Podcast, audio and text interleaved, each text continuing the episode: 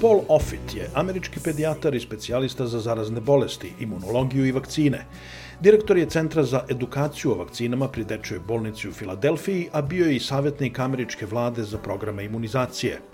Za novi radio karantin, dr. Offit govori o tome da li je u redu skepticima davati novac ili poklone da bi se vakcinisali protiv COVID-a. I, I think that for some people it's a matter of education that they just need to learn about the vaccine. Za neke ljude ovo je stvar edukacije, jer oni prosto moraju da nauče više o vakcinama.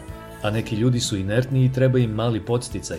Pomislili biste da je to što nećete završiti u bolnici ili umreti dovoljan podsticaj, ali nekim ljudima očigledno nije.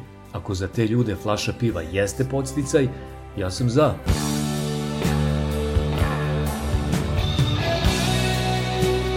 Ima li smisla uvoditi obaveznu vakcinaciju? Well, we already do that. I mean, we, we have mandatory vaccination for school. Pa mi to već radimo. Postoji obavezna vakcinacija za upis u školu. Ako hoćete da pošaljete dete u državnu ili privatnu školu, onda morate da ga vakcinišete. Samo bi bilo dobro da za ove stvari koristimo možda neke druge reči, da možda ovo nazovemo zahtev za dobrim zdravljem. Možda bi to ljudima palo lakše nego kad kažemo obaveza.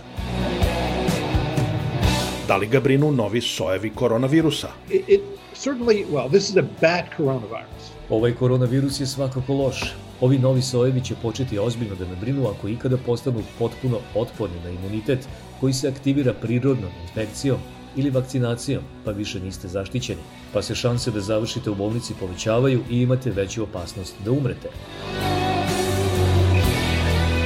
Šta je sledeći veliki korak u razvoju vakcina? Hopefully we'll see a, a universal flu vaccine. I mean, that is, that's the kind of holy grail of vaccines in many ways. Kažem, nadam se da ćemo doći do univerzalne vakcine protiv gripa.